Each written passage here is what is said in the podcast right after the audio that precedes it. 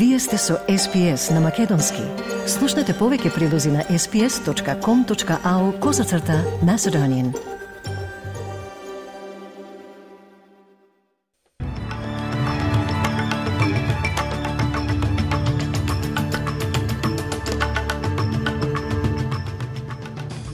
Од денешниот билтен вести издвојуваме предлог законите за оно што се нарекува, цитирам, право на исклучување од работа, затворен цитат, помина во Сенатот.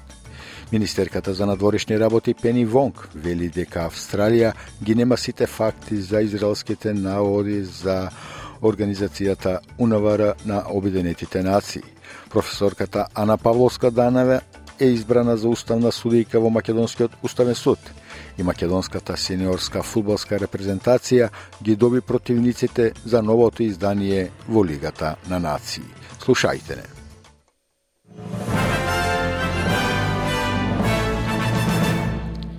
Гувернерката на Резервната банка, Мишел Булок, призна дека високата инфлација останува предизвик како и притисоците на трошоците за живот.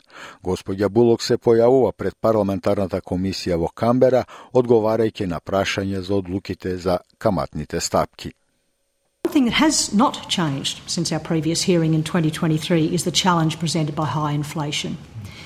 We all remain acutely aware that the cost of living is rising much faster than it has over recent decades. It's been evident over the past couple of years in many of the essential goods and services we all buy, but also in a myriad of other goods and services that we might regard as a bit more discretionary. Резервната банка на Австралија остави својата каматна стапка непроменета на 4,35% предходно оваа недела, зголемувајќи ги надежите дека трошоците за задолжување го достигнаа врвот. Иако инфлацијата паѓа, таа останува далеко над обсегот од 2 до 3 проценти кон кој се стреми Резервната банка на Австралија. Неколку државни премиери ја повикаа Централната банка да ги намали стапките, за да ги намали притисоците на трошоците за живот. Повремените работници, возачите и вработените кои се соочуваат со потешкоти и поработното време се најголемите победници поред широките промени во законите за индустријски односи. Предлог законот на владата на Албанезија за затварање на некои дупки во законот го усвои Сенатот на 8 февруари со 32 гласа за и 29 против по воведувањето на правото за исклучување на обезбедената поддршка од независните и зелените. Доправа треба да се гласа за измените во представничкиот дом. Бизнис групите и коалициите ги критикуваа реформите кои го редефинираат повременото вработување и воведуваат минимални стандарди за работниците на повик, тврдејќи дека тие ќе додадат непотребни трошоци и сложеност на операциите.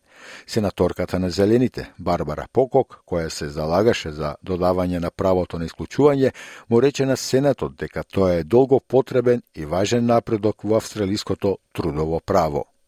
Expecting a worker to stand up alone to their boss when they receive a call, they have no control. They have no backup to say no to their boss. They may never get another shift if they even raise a question about it. And this amendment will give those workers a bit of backup, which is exactly what they need to get some control and boundary around their working time.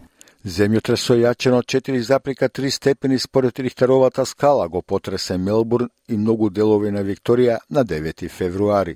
Земјотресот се случи во раните утрински часови околу 12 часот и 50 минути со епицентар во близина на градот Леонгата во Јужен Гипсланд. Неколку други потреси се забележени во Викторија во текот на изминатата година.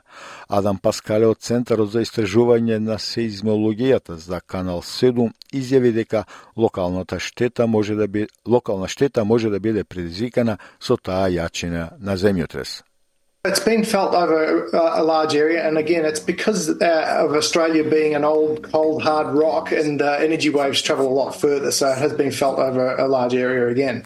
Uh, it certainly made me wake up. I uh, went in the upper floor at home, and uh, upper floors tend to shake a little bit more. So it was only about a second or two of shaking, uh, and I'm I'm in Melbourne, so it's about 130 odd kilometres away. So yeah, look, a lot of reports from Melbourne, but certainly in the uh, epicentral area would have given people quite quite a fright, I imagine. Климатскиот совет го нарекува времето во Австралија, цитирам, климатски удар. Ова ја вклучува Австралија со најсувите три месеци во историјата од август до октомври 2023 година. Потоа беше погодено многу над просечните врнишени из Викторија, Нов Јужен Велс и Квинсленд.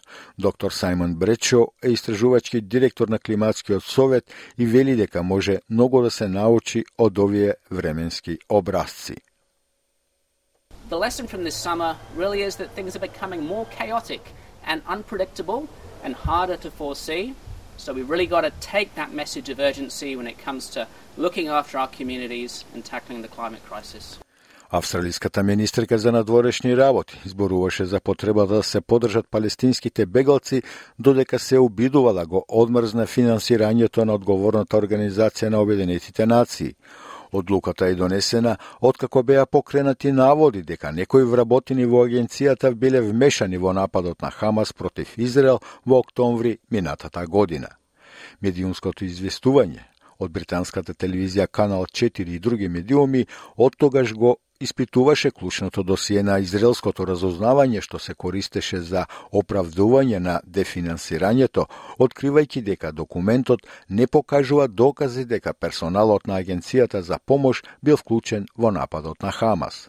Министерот за надворешни работи разговараше со шефот на агенцијата, Филип Лазарини, за да дознае повеќе за различните истраги и истраги на агенцијата за оваа прашање. Таа вели дека не ги добила сите информации во моментот на замрзнување на помошта, но истакна дека самата агенција сериозно ги сваќа на водите. Премиерот на Папуа Нова Гвинеја, Джеймс Марапе, стана првиот лидер на Пацификот кој се обратил пред австралискиот парламент. Неговата посета уследи по смртоносните немири во неговиот роден главен град Порт Морезби. Во својот говор пред парламентот, господин Марапе рече дека демократијата останува од витално значење во Папуа Нова Гвинеја уште откако се стекне со независност од Австралија во 1975 година. Тој вели дека се надева дека Австралија ќе продолжи да го поддржува својот најблизок сосед. I ask you, do not give up on Papua New Guinea. We have always bounced back from our low moments, and we will continue to grow, learning from every low moments and every high moments. We learn from past experiences. In this regard, I want to indicate to this House we are making structural reforms and trying our best to improve our public sector efficiency to carry the country for the next 50 years. Господин Марапе во Австралија по втор пат по посетата во декември, кога беше подпишан билатерален безбедносен договор кој вклучуваше 200 милиони долари за помош во обуката на полицијата на Папуа Нова Гвинеја. Министерката за надворешни работи Пени Вонг вели дека Австралија и Папуа Нова Гвинеја имат силни односи и тоа треба да продолжи.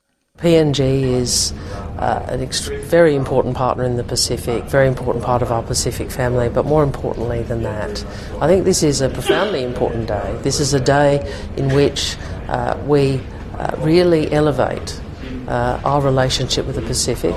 Uh, Prime Minister Marape uh, is the first Pacific leader to speak to our national parliament uh, just as Prime Minister Albanese was the first Australian Prime Minister to speak to the Papua New Guinean Parliament. And that says something about who we are to each other.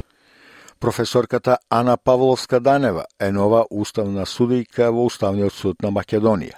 Со 65 гласа за и 26 против, собранието го потврди изборот, а Данева со свечена изјава вети дека функцијата ќе ја извршува одговорно и со почитување на уставот и законите. Ана Павловска Данева сепак не доби подршка од ВМРО ДПМН. Опозицијата остана на ставот дека Данева, како поранешна подпредседателка на СДСМ и пратеничка од нивните редови ќе го партизира Уставниот суд во време кога судството добива критики од сите страни, рече од собраниската говорница пратеникот Драган Ковачки од ВМРО ДПМН. Предлогот за Ана Павлова Даневска да биде уставен судија е ни помалку ни повеќе навреда за сите честни и професионални правници кои својата иднина и на крај на кариера може би ја гледали и во Уставниот суд. Со денешниот предлог тоа им е оневозможено. Зошто? Затоа што денешниот предлог е за давање на подршка на поранешна подпредседателка на Социјалдемократскиот сојуз и пратеничка од партија која е во целосен нокаут и за волја на вистината се наоѓа во милост и немилост на римниот командант Али Ахмети. Според прченичката Снежена Калеска Ванчева од СДСМ, Данева е докажен професионалец. Професорката Данева ќе седне на деветото столче во Уставен суд, со што повеќе од две години судот конечно ќе работи во комплетен состав. Председателот на Украина го разреши главниот командант на вооружените сили на земјата Валерий Залужни. Тој ги предводеше војните напори на земјата од инвазијата на Русија и беше заменет со генералот Олександар Сирски.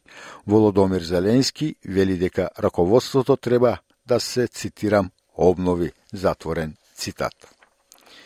Во тек се подготовки за лунарната нова година викендов. Во светот околу 2 милиарди луѓе ќе ја воведат годината на змејот овој викенд. Се вели дека е една од најголемите миграции на луѓе во Кина. Прославите се случуваат во Кина и во другите источноазиски земји, вклучително Кореја, Виетнам и Јапонија, при што заедниците на диаспората во Австралија исто така го одбележуваат овој повод. Прославите во Австралија се едни од најголемите надвор од Азија, привлекувајќи речи 7,5 милион веслоби само во Сиднеј. Архитектот и дизајнер на интериер Ентони Хо вели дека уживал да биде вклучен во создавањето на надворешната декорација со инсталации во кинескиот кварт во Сиднеј. Yeah, look, it, it's the year of the dragon, the most powerful uh, zodiac of the Chinese uh, mythology. Um, and what we specifically did here was uh, just to make it as magnificent as possible. We want to do the community proud. Um, we chose to show it as a dragon that was energetic, appearing and disappearing amongst the clouds, visiting the local economy, um, and then uh, again, as, as, Fiona has said here, um, the lanterns, the presence of lanterns, bouncing the energy around the whole, all the yeah, every, every corner of, of Dixon Street. И од спортот, македонската сениорска фудбалска репрезентација вчера во Париз ги доби противниците за новото издание во Лигата на нации. Ждребката сакаше Македонија да биде во групата С4 со селекциите на Ерменија, Фарските острови и Летонија. Лигата на нации започнува на 5 септември, а завршува на 19 ноември. Завршниот турнир во лигата се игра од 4 до 8 јуни 2025 година. Селекторот Благој Милевски по добивањето на противниците за медиумите во Македонија не криеше дека целта е првото место во групата, иако не ги подценува и противниците играчите со кои сме играле и во изминатите години.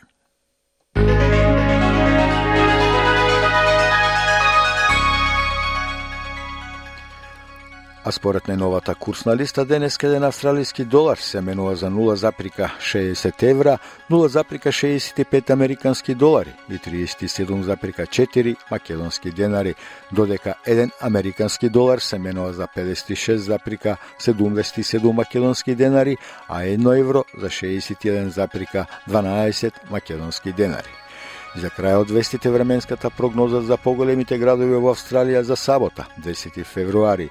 Перт сончево со температура до 41 степен, Аделајд сончево до 31, Мелбурн делумно облачно до 27, Хобарт разведрување до 20 степени, Камбера делумно облачно до 24, Сиднеј слаби повремени врнежи до 26, Брисбен кратки повремени врнежи до 30 степени, Дарвин врнежи од дошт можна и бура до 31 степен и во Алис Спрингс ќе има можност за развој на услови за дош и температура до 36 степени.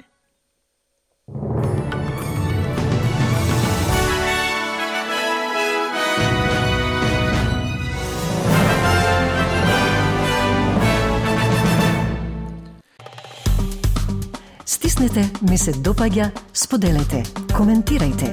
Следете ја SPS на Македонски на Facebook.